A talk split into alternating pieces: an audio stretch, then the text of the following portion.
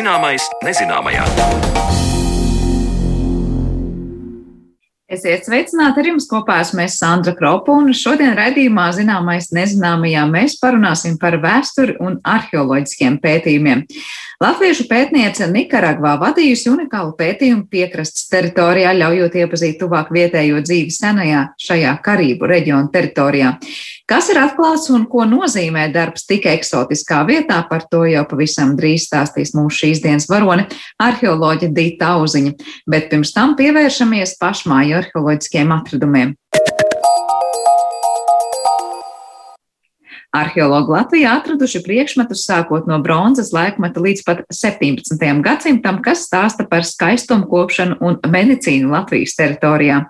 Kā tika izmantots ādercirtnis, kā izskatījās bankuragi, kosmētiskās lāpstiņas un ausu tīrāmās karotītes, par to plašāk Zanis Lācis Baltalksnes ierakstā. Pirmie Latvijā izmantotie ārstniecības rīki nav šķirami no ikdienas lietošanas priekšmetiem. Medicīnas vēsturnieki un arheologi ir norādījuši, ka ārstniecībā lietoti tie paši duršanai un griešanai paredzētie krama un kaula rīki, kas izmantoti medībām, zvejai, pārtikas un apģērba sagatavošanai. Tā Latvijas arheoloģijas rokas grāmatā raksta Latvijas vēstures institūta pētnieks arheologs Rudolfs Brūzis.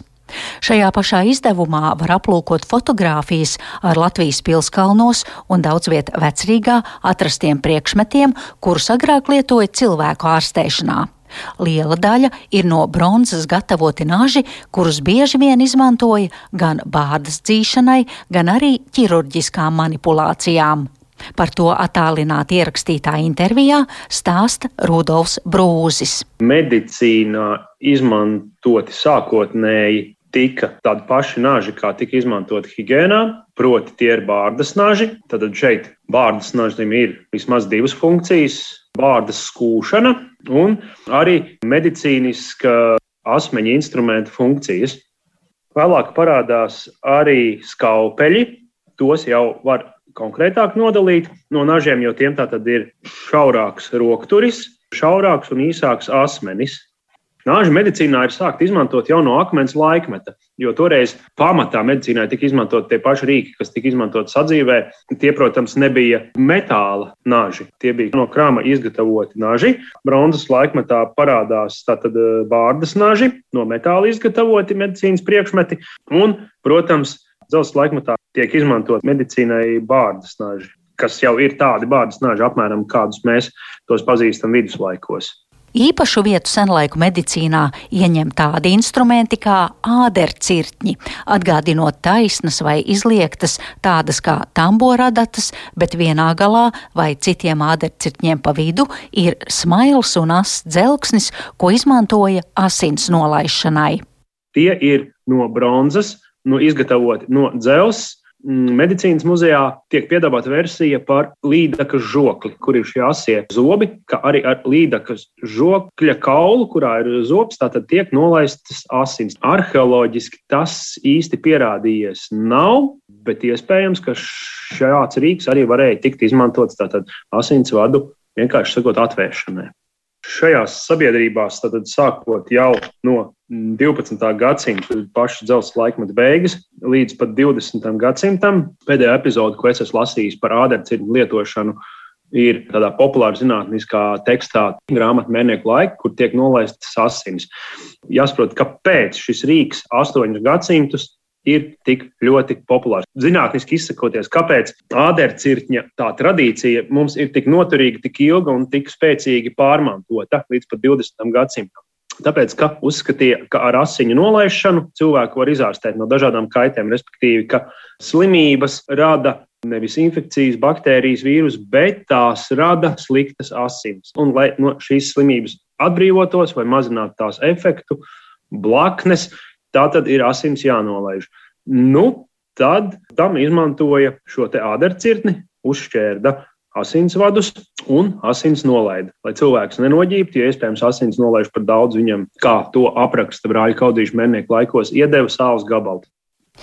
Skatot tālāk tādus mūsdienās neierastus medicīnas rīkus, es prasīšu jums, kas ir banku raks. Tas ir kā govs vai kazas uh, raks ar nogrieztu galu. Arheoloģiski šādi ragi netiek saistīti ar medicīnu. Šo interpretāciju mums sniedz medicīnas vēstures muzejs. Viņa ir pilnībā ticama un, un zinātniski. Viņa ir medicīnas vēsturnieku darbos aprakstīta.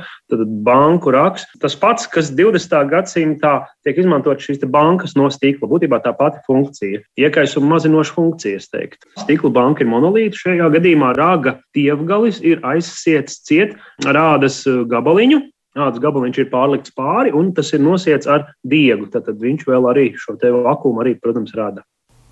Arheoloģiskajos izrakumos, ko jūs esat atraduši, ir arī šķirces, kas ir gatavotas no kaula vai alvas.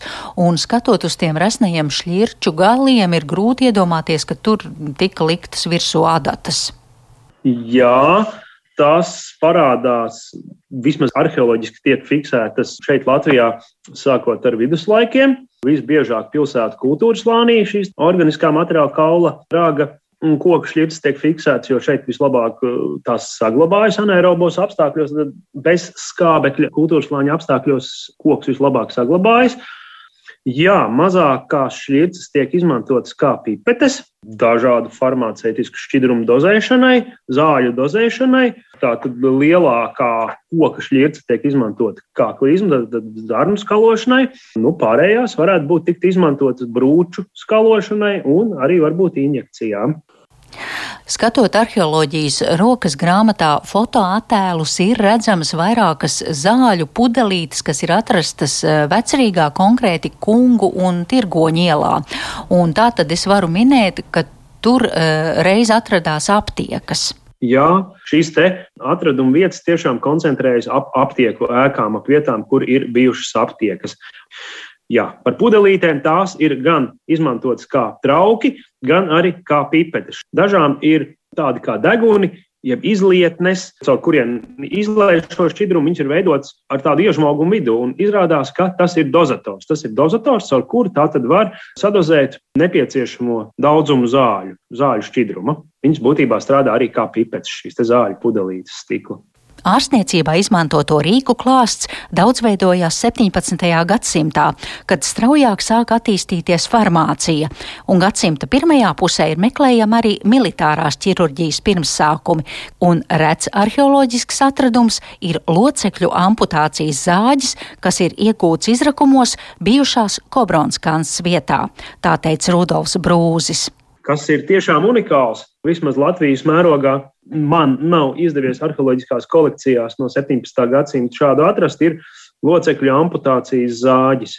Tas ir atrasts Kobronskas vietā. 17. gadsimta arheoloģiskā slānī 2011. gada izrakumos. Ļoti līdzīgs mūsdienās joprojām lietotiem metāla zāģītim, kas ir iestiprināts loka veida, tātad rāmī. Tikai, nu, protams, ar lielākiem zobiem, jā. No sākuma. Es pat biju klāt, kad to atrada, kad tas tika atrasts studenta prakses ietvaros, un no sākuma likās neredzēts iepriekš neredzēts priekšmets, zobu izvietojums neatbilda metāla zāģim, tas vairāk varēja atbilst koku zāģim, un tad aplūkojot ikonogrāfiskos avotus, zīmējumus, kuros attēlot tātad šī te amputācija locekļu, jā, ļoti tūs tam, kuru attēlo ārstu rokās, kad viņš amputē locekļus. Kāpēc Kobrons kanstī? Tāpēc, ka tur noteikti uzturējās ārsts 17. gadsimts, tad attīstās militārā, kā būtībā no militārisma atvasināta profesija, militārā medicīna jebkurā šādā garnizonā ārsts ir nepieciešams, jo militārisms ir augsts traumatisks pasākums un process, un, un, un līdz ar to tas nes sevi līdzi arī šādas inovācijas. Un, jā, Latvijā unikāls ir vēlreiz atkārtošos šis kaulu zāģis, locekļu amputācijas zāģis. Tik tālu par medicīniskajiem priekšmetiem stāstīja arheologs Rudolfs Brūzis, bet turpinājumā palūkosim, kādi arheoloģiskajos izrakumos Latvijas pilskalnos ir atrasti skaistumkopšanai domātie priekšmeti. Par tiem stāsta Latvijas vēstures institūta arheoloģisko materiālu krātuvs vadītāja Silvija Tilko. Skatāmies uz nelielām lāpstiņām, kas ir gatavotas no kaula vai raga.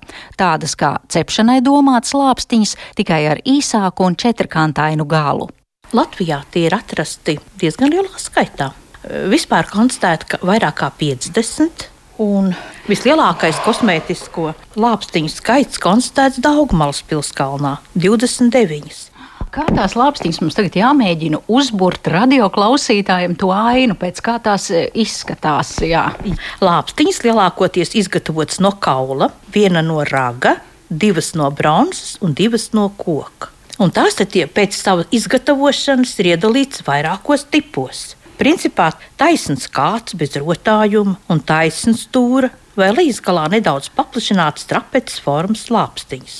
Tas ir tikai viens tips, un šīs lāpstiņas ir visizplatītākās un vissenākās Latvijas teritorijā jau no 10. gadsimta. Kam tās lāpstiņas eh, tika domāts, kā cilvēki to laiku lietoja? Lāpstiņu uzdevums, acīm redzot, bija kosmētisko ziežu uztriepšana Domājams, ka tās izmantotas arī ārstniecisku ziežu uzziešanai. Tad mēs pareizi saprotam uz, eh, uz, uz sejas, uz ķermeņa. Nu, jā, tā mēs varam iedomāties. Kur šīs lāpstiņas, vai tās tika atrastas vai pilskalnos, vai kapos? Tās galvenokārt pilskalnos, dzīves vietās. Daugmālas pilskalnā, aizkrauklas pilskalnā, jau un arī kapos, bet kapos ļoti nedaudz, galvenokārt dzīves vietās, plašā Latvijas teritorijā. Īpašu vietu higiēnas līdzekļu klāstā ieņem ausu tīrāmās karotītes. Priekšmet, ko mūsdienās zinām kā ausu tīrāmos kociņus, kas gatavot no plastmas un vates. Bet senāk šīs karotītes bija grezni rotātas, un tās lietoja gan ausu tīrīšanai, gan arī tās kalpoja kā greznuma priekšmeti karotīte, kāds un kāta gals.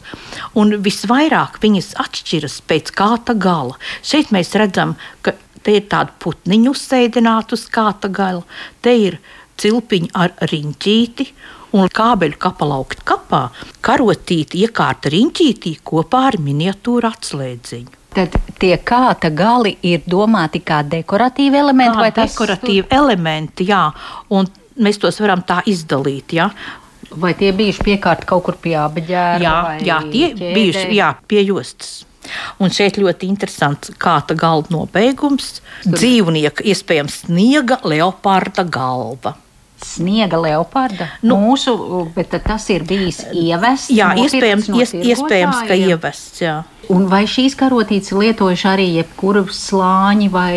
Nē, vai tikai bagātie tikai bagātie slāņi un bagātās sievietes, un tāpat arī tās ir atrastas bagātos kapos, kur ir daudz piedevu. Bet šīs karotītes tad izgatavoja šeit pat eh, toreizējā Latvijas teritorijā, vai tās ir uh, ievestas? Lai gan atsevišķi eksemplāri varētu būt importēti, kā mēs skatāmies, ja, tomēr šķiet, ka daļa tipveida karotīši ir izgatavotas uz vietas. Nu, Tāpēc, ka attālumā viens no otra esošiem pilskalniem ir vienādas karotītes, tas jau ar to norāda. Runājot par sižeta sākumā pieminētajiem bārdas nažiem, Silvija Tilko teica, ka cilvēki dzelzs laikmetā bārdas ir skūvuši, tomēr šis paradums nav bijis sevišķi izplatīts.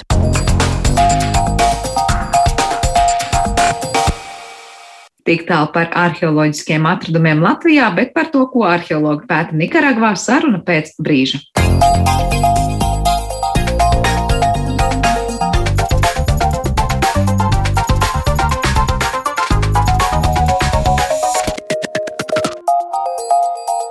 Zināmais nezināmajā.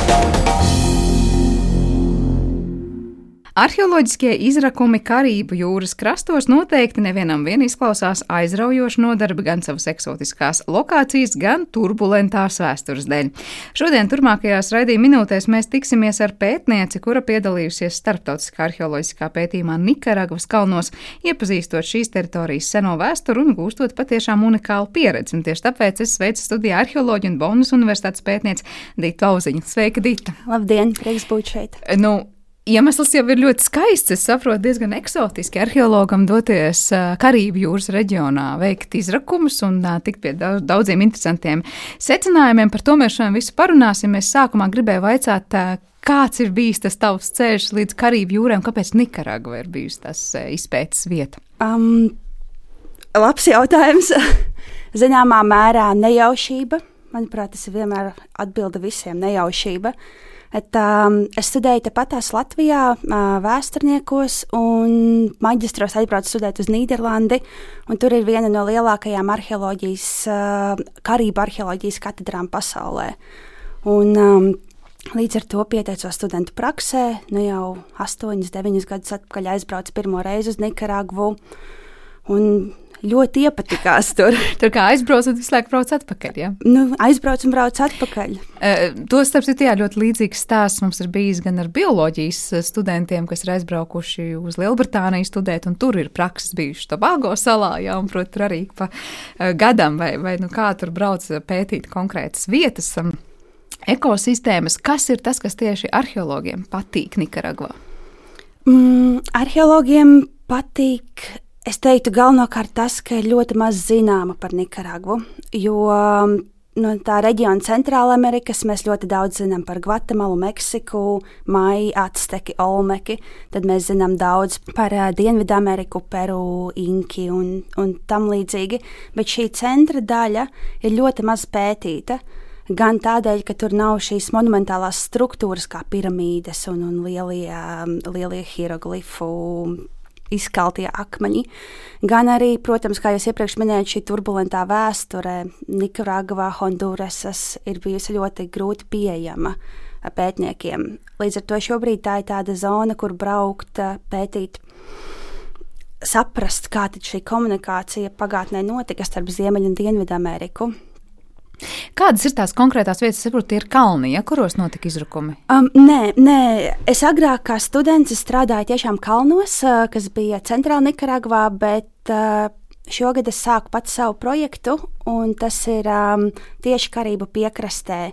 Tuvākā lielā pilsēta ir Bluefields. Un, um, Tas ir nu, principā 5-10 km no, no Karību, Karību piekrastes, no jūras. Par kādu laika posmu mēs runājam, tas, kas tajos izrakumos atklājas? Šis ir sarežģītais jautājums. Um, šajā reģionā, kur es tagad esmu, izrakumi nav veikti principā nekad. Uh, esmu pirmais arheologs, kas, šur, kas šeit strādā. Un, um, mums nav chronoloģija izstrādāta. Līdz ar to tas ir ļoti tāds uh, pionieru pētījums. Uh, mēs ar komandējam, meklējam arheoloģiskos objektus, un tad mēs viņus uh, pētam un uh, datēsim. Bet kā nav izstrādāta chronoloģija? Tas nozīmē, ka nav atskaites punkts, kur mēs zinām, piemēram, iepriekš kāds arheologs atrada tajā vietā to un to, un tas ir datēts jau ar konkrētu laika posmu. Tas ir tā chronoloģija. Jā, jā principā, jā, nu, kā piemēram, iedomāsimies Romas, Romas senpilsētas arheoloģiju, un visbiežāk arheologi izmanto senlietas, visvienkāršākais izmanto senlietas, lai datētu. Un tad jau mums ir skaidrs zināms, kurā periodā kāda veida keramika tika lietota. Un tad, kad tu roc, tu pirmais tu izroc, un tu jau vari aptuveni pateikt, kura periodā objekts tas ir. Šajā reģionā šāda mēs nepazīstam keramiku, mēs nepazīstam citus objektus, mēs nezinām, kā viņi ir kurā periodā kādi ir veidoti. Līdz ar to mums ir jāizmanto zinātniskās metodes, kas ir oglekļa datēšana, gliemežvāku datēšana un tam līdzīgi. Kas tur sanāk tā metode, ko visvairāk nāks pielietot? Nu, parasti mums liekas, mēs dzirdam par šo oglekļa metodi, bet gliemežvāku tas nozīmē, ko apkārt atrodam gliemežvākus un nosakam vecumu. Ne, tā, ne, ne apkārt tur, jā, tā ir vienmēr problēma. Ogleklis ir visvieglākais, vislētākais. Līdz ar to, jo problēma ar šiem datējumiem ir, ka katrs datējums ir jāsūta uz laboratoriju, un tas maksā naudu. Um, Ogleklis ir vislētākais, līdz ar to tas ir forši, ja atrod oglīti, bet um, tam ir jātiek katrs tam izrakumu slānī. Jo tikai tad mēs varam saprast uh, konkrētā perioda datējumu. Ja tas tiek atrasts kaut kur apkārt, tad uh, tam nav jēgas, jo varbūt pagājuši gadu uh, zemnieks dedzināja, dedzināja krūmus un tā oglī tur uzradusies. Tad Tas, tai oglē ir jābūt kaut kur dziļi slānī iekšā, jā, citādāk tā neskaitās. Tie, tieši tā arheoloģiskajā kontekstā, un tieši tas pats ar gliemežvākiem. Viņiem ir jābūt arheoloģiskajā kontekstā, kaut kur uh, dziļi zemē, kur mēs redzam, ka ir kopā ar keramiku, kopā ar um, kādiem citiem objektiem, ka mēs zinām, ka šeit notika cilvēku darbība pagātnē, un ja šeit ir tas gliemežu vāks, tad mēs viņu varam izmantot datēšanai. Bet, ja tur nav blakus tā cilvēka darbības kaut kāda, mm, nu, nezinu, lieta, kas to raksturo, tur ir tikai gliemežu vāki, bet slānī, tas parādīs kaut ko arheologam, proti, ka, lūk, šajā slānī mēs redzam, kā atrast gliemežvāku, kas attiecas uz tādu un tādu laika posmu, vai tas neko daudz nepalīdzēs? Arheologam, ne, geologam tas parādīs daudz ko, jo nu, geologi ir arī interesēti, kā veidojās šie zemes slāņi bez cilvēka, bez cilvēka klātbūtnes, bet mums tomēr vajag atrast kopā ar uh, arheoloģisko kultūras slāni, lai mēs zinātu, ka cilvēki noteikti bija šeit, un tad tas gliemežvāks kaut kā nokļuva vai nu kā pārtikas sastāvdaļa, vai nu kā rotas lietas sastāvdaļa. Bet kas par to cilvēku klātbūtni signalizē? Nu, labi, protams, tur rotas lietas, tas jau vai darbarīgs, tas jau nu ļoti pateiks priekšā. Jā. Bet es pieņemu, nevienmēr laikam ir tik ļoti acīm redzamas liecības atrodamas turpat. Kas ir tās nu, vadlīnijas, pēc kurām Jā. var skatīties? Nu, principā visdrošākais jau ir, ja ir pārsvarā tā ir keramika. Tā ir keramika, ja mēs runājam par periodiem, kur jau keramika ir izmantota. Un tas neiedomājamies skaistas vāzes, skaistus, skaistus podus, tie ir mazi, mazi keramikas gabaliņi. Tas var um, ar kaut ko sajaukt. Mm, nezinātājs var, ar, arī zinātājs var, bet uh, ar, ar akmentiņiem, tīpaši, ka maza gabaliņa var sajaukt ar akmentiņiem vai vienkārši māla, māla pikučiem, kas ir dabīgi veidojušies. Bet uh, komandā ir uh, keramikas speciālists, kas arī skatās šos gabaliņus zem mikroskopu, un tad jau, tad jau ne, nevar vairs sajaukt. E, tad labi, keramika būs viens, kas um, vēl? Um, otrs būs, ja mēs ejam dziļāk pagātnē, tad apstrādāti akmensrīki. Un, um, Pārsvarā krams un šāda veida akmens, kas, kas viegli, viegli šķiļās. Un tad, tad jau var redzēt, nu, protams, atkal mēs varam iedomāties skaistus darbarīgus, kā mēs redzam kaut vai Latvijas Nacionālajā muzejā, kur ir no visām pusēm apstrādāts un tiešām redz, ka tas ir uh, nazītis vai bultas gals, bet visbiežāk tie ir um, krama gabaliņi, kuriem ir viens stūris nošķelts vai kur var redzēt šīs lietojuma pazīmes, ka viņš ir lietots, lai sistu, kaut, uh, sistu par kaut ko, vai arī mazas, maz, maza, maza es pat nezinu, kā lai apraksta. Lauska, lauskas, mazas lausciņas, viņas reizēm ir mikroskopiskas, un ja viņas tur ir, vairākas, tad ir skaidrs, ka šis akmens ir bijis sists tajā vietā un ir veidojušies šie mikroelementi. Man vienmēr liekas pārsteidzoši, kā tajos izrakumos tādas sīkas detaļas tajā brīdī var pamanīt, kamēr nevis tās ir, nu, kā teikt, uz baltas lapas uzliktas, ja? bet uh, izsijātas, es nezinu, izmērītas, nu, nu, kā citādi atrastas. Uh, un, un, ja tas ir kaut kāds liels, es nezinu, smilšu vai kāds cits augsnes slānis, kā arheologs uzreiz saprot, ka tur ir kaut kas, ko meklēt? Pirmais, tas ir tā, mēs ejam no ļoti liela makro reģiona. Un tad uz to ļoti mazo. Um, sākotnēji, kā šajā reģionā, pirmais ir saprast, kur vispār, kur vispār ir šie arheoloģiskie objekti. Līdz ar to mēs analizējam satelīti uh, bildes, lidojam ar droniem un meklējam, uh, veidojam 3D modeļus, lai redzētu, kur ir kaut kādas uh, zemes izmaiņas, kuras izskatās pēc nu, nekā tāda, kas veidotos dabīgi, un nekā tāda, ko mūsdienās lauksaimnieki dara. Tad mēs ejam uz šīm vietām, mēs viņas pārbaudām, mēs jautājam vietējiem iedzīvotājiem, klau, kad jūs te rakāt, um, stādījāt kukurūzu vai neredzēja kaut ko, varbūt šādu keramiku, varbūt šādas lauskas. Un, um, un tad jau kaut kā, tad jau mēs tiekam uz tiem objektiem, nora, atrodam tos objektus, kuros var sākt strādāt. Un, um, tad šajos objektos, kad sāk rakt, tad jau arheologi jau piešauja aci. Jebkurš piešauja aci, kad tu, kad tu strādā ilgi. Tu zini, kas jāmeklē, ja tas viss kļūst pamanāmāks. Jā, jā, tieši tā, tu zini, kas jāmeklē. Ja, ja tie atradumi nav daudz, tad strādā uzmanīgi ar maziem rīkiem, lai viņus uh, nepalaistu garām, iet uz kaut kā Parasti jau iz, izvēlās, ja nāk daudz keramika, tad var iet ātrāk, jo, ja kādu mazu lauciņu palaidīs garām, liela problēma nav. Mums bija viena, viens izrakuma laukums, kur mums tiešām nāca tikai akmens darbarīgi un nedarbarīgi, bet šīs mazās lauskas. Nu, tad mēs tur viens reiz viens metru lielu laukumu trīs nedēļas rakām. Jā, tur tiešām detaļās ir spēks. Ko jūs interesantu atradāt? Vai bija kaut kas tāds par to teritoriju, kas pašai likās visinteresantākais? Pirmkārt, kas likās visinteresantākais, bija daudzums, milzīgais apjoms šo, šo arheoloģisko objektu. Mēs izpētījām aptuveni 10 x 10 km lielu uh, teritoriju, un mēs tur atradām 52 arheoloģiskos objektus, kas ir milzīgs, milzīgs daudzums reģionā, kur ir uzskatīts, ka tur īsti nebija nekāda apdzīvotība, ka principā pirms kolonizācijas nekas liels tur nenotika. Kaut kādas ciltis varbūt tur dzīvoja, un uh, tas milzīgais daudzums bija. Ta, tas man bija mil, lielākais pārsteigums. Un kas bija tas, ko jūs atradāt? Bija lauskas, tie bija trauki. Bija... Jā, jā, principā mēs atradām gan keramiku, uh, gan mēs arī atradām uh, keramiku ļoti skaistu, arī dekorētu. Mēs atradām keramiku, kas ir zināma gan no um, Karību salām, tā kā Jamaikas. Mēs atradām keramiku, kas ir zināma no. Um, uh, dienvidu, dienvidu austrumu Hondurasas. Līdz ar to mēs varam teikt, ka šis reģions bija iesaistīts aktīvā tirdzniecībā. Un mēs atradām vairākus objektus, kur ir tikai akmens rīki, kur nav keramika. Līdz ar to mēs domājam, ka šie noteikti ir ļoti veci, tā saucamais pirms keramikas laikmets, bet uh, tas mums vēl ir jādatē. Un... Ja tas ir pirms keramikas laikmets, par kādu vēstures posmu mēs runājam? Jā, um, Nu, plus tas, mīnus. Jā, aptuveni 2000 gadi pirms mūsu ēras. Tas būtu, tas būtu tā.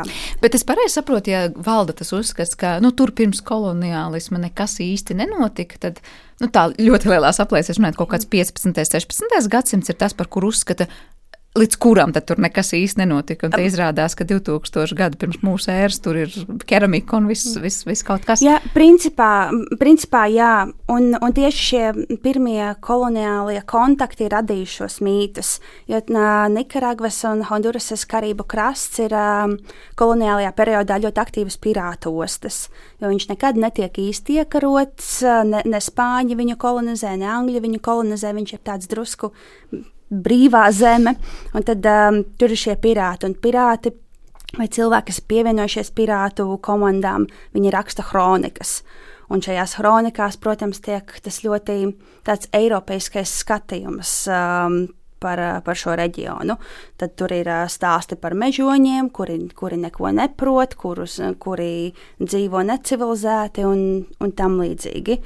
Tā kā var teikt, ka mēs redzam praksē, kur ir konkrēta teritorija, par kuru ir radīts šis mīts. Tāpat kā daudz, kuras pieņems tajā, krastā. Ja? Un cik daudzi gadsimti ir izņemti ārā no viņu vēstures. Mūsu, mūsu apziņas par viņu vēsturi precīzāk. Absolūti, absolūti. Un tas, manuprāt, ir otrs iemesls, kāpēc arheologi ļoti interesēti karību vēsturē, jo tas kaut kādā ziņā at, atdot atpakaļ cilvēkiem to vēsturi, ko it īpaši Eiropieši ir nozaguši kaut kādā veidā. Tikai, tas jā. ir tas um, spēcīgais motivators, ko var sajust vispār no Eiropas, tur varbūt tā, augstskolās vai studiju programmās, kas dodas uz šīm teritorijām, ka tā ir tāda nu, mazliet vainas sajūta. Es, es domāju, ka kaut kādā ziņā varbūt. Nu, ja tā pilnīgi godīgi, droši vien studenti, kas pirmoreiz dodas uz karībām, kā studenti, tāpat kā es, tā, tas ir tas eksotis, eksotisms. Nu, e, un, vēlme redzēt to pilnīgi savādāko vidi un strādāt tur. Bet noteikti cauri visām studiju programmām iet šī dekolonizācijas ideja par to, ka, ka mēs nevaram ir, tā apziņa, kas ir izdarīts šajā reģionā, 5, 6 kolonizācijas gadsimti reģiona eksploatācija. Šobrīd ir īpaši sadarbojoties ar vietējiem arheologiem, ir ir iespēja kaut kā atdot to vēsturē. Atpakaļ. Es gribēju tieši vēstīt par to vietējo, ne tikai arheologu, bet vispār sabiedrības attieksmi. Uh, man pašai to Bāgo salā nācās ļoti saskarties ar tādu interesantu attieksmi, ka no vienas puses vietējie cilvēki teica, stāstiet par mums, rādiet par mums, un tajā pašā laikā tikai lūdzu nefilmējiet, jo tad jūs uzreiz mūs tā kā muzeja eksponātus, un, un it kā viņiem pat ļoti nepatika, kad no vienas puses viņas rāda un par viņiem stāsta tajā pašā laikā, nu, likt par sevi manīt visai pasaulē, viņi tā kā gribēja. Kā ir Nikaragvā vai vietējie iedzīvotāji šobrīd, piemēram, vai vietējie arheologi?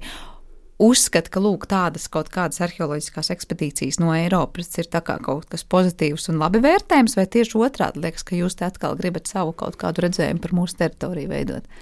Es domāju, gan, gan. Gan, gan, kā vienmēr, nav vienkārši atbildes. Um, lielākā daļa cilvēki, tīpaši inteliģences, izglītoti cilvēki, tajā, tajā skaitā arheologi, ir ļoti sensitīvi par šiem jautājumiem. Viņi ir zināmā mērā sprukās, jo viņiem ir ļoti maz finansējums, viņi paši ne, pašiem viņiem nav iespēja pētīt. Līdz ar to Viņi tā kā dod otram to, ko tā, paši gribētu. Jā? Nu, nu, kaut, kaut kādā ziņā, jā, jo viņi var tikai pievienoties Eiropiešu ASV komandām. Tāda liela, iz, liela mēroga pētījumos. Un, um, Protams, ka tur ir tāda drusku koloniālā sāpe. Es domāju, ka mēs redzam arī tepat Latvijā. Nu, ne, nepatīk vietējiem, kad atbrauc vācieši vai kāds cits un sāk, sāk stāstīt, kāda tad bija mūsu vēsture. Nu, cilvēki jau visur ir vienādi. Nu, nepatīk īsti, kad no malas, bet tajā pašā laikā mēs nākam ar tehnoloģijām, mēs nākam ar finansējumu, un ja tas tiek darīts tiešām ar cieņu un respektu un iesaistot vietējos speciālistus, tad tas ir es domāju, ka tas ir arī ieguvums šīm starptautiskajām misijām. Mēs strādājam, manā komandā mēs strādājam uz paritātes principa, cik mums ir nenikaraguieši, tikpat, no, tikpat mums ir Nikaragas arheologi, un tad veidojas šis dialogs. Tā kā sadarbība notiek. Sadarbība notiek. Kas notiek tad, kad jūs tur atrodat nu, kaut kādu interesantu priekšmetu, jūs tomēr sūtat uz laboratoriju kaut kur Eiropā, tad tālāk to pētīt un tur datēt speciāli un noteikt kaut kādus sastāvus, vai jūs vadāties tomēr pēc tā atradām klimažvāks vai ogli vai nē? Principā priekšmetus jau nav liela jēga sūtīt nekur, jo priekšmeti viņi ir skaisti, Tu viņus nofotografē, varbūt uztaisa 3D skenējumu, un ar to pietiek, lai iegūtu šo informāciju tā, tas datējums nāk, un da, interesantā informācija nāk no ķīmiskajām analīzēm, no, no sēklām, kas tiek atrastas zemes slāņos, no, no šīm oglītēm, gliemežvākiem. Un, un, ja mēs taisām keramikas analīzes, lai veidotu petrogrāfiju, piemēram, lai saprastu, kād, kādas mākslas, no kura reģiona ir izmantot šo, šo trauku gatavošanā, mēs nolaužam mazus gabaliņus no tādām jau lauskām, kuras jau ir salauztas. Un, principā viss skaistais, lielais paliek Nikaragvā, un šādus oglītes, gliemežu vākus, mazas keramikas gabaliņus, tos mēs sūtām uz Eiropu. Bet kā noteikti, piemēram, ir tāda skaista keramikas, tagad es nezinu, kāda krūka vai vāze, un gribētos, nu, tiešām precīzi saprast, kas tas par laiku. Jūs tikai un vienīgi vadīsieties pēc tā, kurā slānī atradām, kas bija blakus, vai tomēr tur kaut kādu mazu lausciņu ņemsiet un vedīsiet uz analīzēm, jo no vienas puses nu, negribētos nodarīt pāri, ja tā ir saglabājusies kā kaut kāda vāze. Jā, nu tad, tad droši vien, ka vienkāršākais ir. Ja nu atrod vienu vāzi, veselu, skaistu, ļoti reti, kad tā notiek. Um, noteikti arī atrod desmit saplēstas vāzes tieši tādā pašā stilā. Vismaz ļoti līdzīgā stilā. Tad ņemtu tos analīžu materiālus no, šiem, no šīm lauskām, kuras ir um, kuras ir līdzīgā stilā. Um, tādu unikālu objektu ļoti, ļoti reti, kad bojātu. Jā, nu tur ir milzīgs, milzīgs pētniecības jautājums, kurš nekāda citāda nav atrisināms, bet Principā. Parasti nav, nav saka, tas neatmaksājas, ja, tas, lai to priekšmetu sabojātu, lai atbildi rastu uz kaut kādu jautājumu. Kas... Nē, parasti tas, tas neatmaksājas, un vienmēr ir iespēja atrast kaut kādā citā veidā tās, tās atbildes. Cik tālu šobrīd ir atbildes atrasts par to, kā tad dzīvoja tie cilvēki tur līdz tiem koloniālismu laikiem? Proti, vai ir zināms, ar ko nodarbojās, ko ēda, kā darbarīgus gatavoja, no kurienes un uz kurieni pārvietojās, vai tur vēl ir daudz tādu plankumu nezināmo? Ir daudz nezināmo plankumu, bet ir um, daudz, ko mēs sākam jau saprast. Mēs zinām, ka pirmie cilvēki šajā reģionā, vismaz pirmie zināmie cilvēki, mums ienāca aptuveni 4000 gadu pirms mūsu ēras. Netālu ir atrasts skelets, kurš ir nodatēts, apbedījums tad mēs zinām, ka kaut kādā mirklī veidojas. Uh, Monumentalitāte, monumentalitāte veidojas lieli uzkalniņi, cilvēki veido liels uzkalniņus, kas ir um, 3 metrus augsti, 30 metrus plati. Līdz ar to nu, nu, kaut kas, ko mēs varam salīdzināt ar piramīdu platformām, kas ir augstāk Gvatemalā māju teritorijās. Nesasniedzot to līmeni, bet tas ir principā tāpat kā māja sāka. Tad mēs zinām, ka ir kaut kādas zināmas pārmaiņas notiek ar klimata pārmaiņām, jo mums ir 6. gadsimts, un tad mums ir 9. gadsimts, kad šajā reģionā un visā pasaulē ir zināmas klimata pārmaiņas. Tas ir tad, kad šī monumentalitāte sākās, tad viņa pazūd. Un tad mēs zinām, ka ir dažādība, ka, ka cilvēki nedzīvo visi vienādi. Ir cilvēki, kam ir bagātīgāks uzturs, cilvēkam ir netik bagātīgs uzturs pieejams, cilvēkam ir krāšņāka keramika, cilvēkam nav tik krāšņa keramika. Līdz to mēs varam runāt par kaut kādu sabiedrības noslāņošanos. Tas būtu tādā, tādos lielos vilcienos. Bet tas uzturs, kas ir tas eh, bagātīgais un pilnvērtīgais, un, un savukārt, kas tur atrodams un kurās, kurās vietās? Jā, nu, principā tā ir tropiskā vide, ko mēs atrodam. Mēs atrodam ļoti daudz uh, dažādu asaku, gan no saldūdens, gan sāļūdens zivīm. Mēs atrodam uh, moluskus, gliemežvākus, līdz to tie spēlē lielu lomu cilvēku diētā. Uh, atrodam arī bruņurupuču atliekas un, un, un dažādu meža zvēru, ir piļķinābi ir ēsti. Um, Bet jūs atrodat veidā. tā kā skeletus tiem dzīvniekiem, nu, kaut kādu daļu, lai da, noteiktu, kas tas jā, ir. Jā, principā tos mēs atrodam nu, ma mazas kauliņas. Un pēc tam mazajiem kauliņiem jūs varat pateikt, tas bija pirknābis vai tas nebija pirknābis. Jā, um, tā bija saldūdens zivs un tā bija jūras zivs. Atkal mums ir speciālists, kas ar, to, kas ar šo jautājumu nodarbojās, zooarheologs. Un eh, tad zooarheologs eh, jau to ved uz laboratoriju, viņam ir eh, referenču kolekcija, ar ko var salīdzināt, un tādā veidā. Tāpat mums arī komandā ir biologs, kas ehm, Mēs no arheoloģiskiem slāņiem izsijājam un izmazgājam ārā sēklas, un tad biologs skatās mikroskopā un um, ar, referenču kolekciju atpazīst, kādas sēklas tās ir bijušas, un tad mēs arī re, varam rekonstruēt vidi. Jo šis ir viens no sarežģītākajiem, kad mēs redzam kādu vietu, mēs iedomājamies, o, šī tādā bija, cilvēki ja? dzīvoja. Mm. Bet, protams, vide mainās ārkārtīgi daudz. Un, uh, Kādas ir šobrīd tās nezinu, apjausmas par to, kāda šobrīd tā vide ir un kā tā bija mainījusies, vai precīzāk, kā tā ir mainījusies kopš tiem laikiem, proti, vai tur ir kaut kāda diena pret nakti, tās tīri dabas ainavas izmaiņas? Nu, šobrīd Šobrīd, jā, šobrīd ir absolūti diena pret nakti, jo beidzamos 40 gados reģionu ir pārņēmusi pa plantācija, palmu plantācija, um, palmeļas plantācija. Tad izcirsti lietus mežu. Ir izcirsti lietus mežu, sastādīts palmas, un um, tas ir diezgan um, šokējoši, kad uh, ir, protams, kādas vietas, kur šie lietus meži ir palikuši, un kad tu brauc caur lietus mežu, tā ir nenormāla skaļa sajūta, jo ir uh, mērkaķi, kukaiņi, visādi dzīvnieki rada skaņas, un tas ir tu, tu pats sevi knapi dzirdi.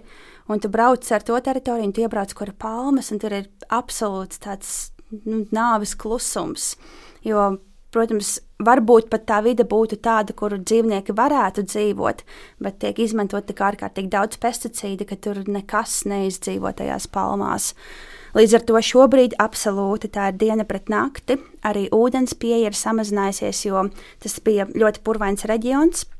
Ja mēs iedomājamies Karību krastu, tās nav baltās smiltis, tās ir um, tie ir koki, mangro, uh, mangroves, kas auga. Um, kas aug ūdenī iekšā, un tas viss apkārt ir purvi. Šobrīd šie purvi ir nosasināti, lai radītu piemērotu vidi palmām, līdz ar to arī upēs izsīkst ūdens. Un, um, Jā. Nu, katrā ziņā laiks, kuru pēta arheologi šobrīd tajā teritorijā, bija tāds, ka tur ainavā dominēja pavisam citas lietas. Tur bija Absolūti. daudz vairāk ūdens, daudz vairāk dzīvības iespējams, un tas pats lietus mežs jā, bija tas, kura, Abs, absolūti, kura jā, jā. nezinu, klātienē tas viss notika. Lielā mērā lietus mežs un, un kaut kādos periodos arī lauksaimniecība. Un tas, mē, to mēs mēģinām no sēklām saprast, kā, kāda lauksaimniecība bija šajā pirms, pirms kolonizācijas periodā. Kad tās atbildes varētu būt gatavas, es nezinu, kaut kādās hipotēzēs izteiktas, jo jūs pieņemtas laiks laboratorijās, nu ir Jā. diezgan vajadzīgs. Es ceru, ka nāk, nākamā pusgada laikā,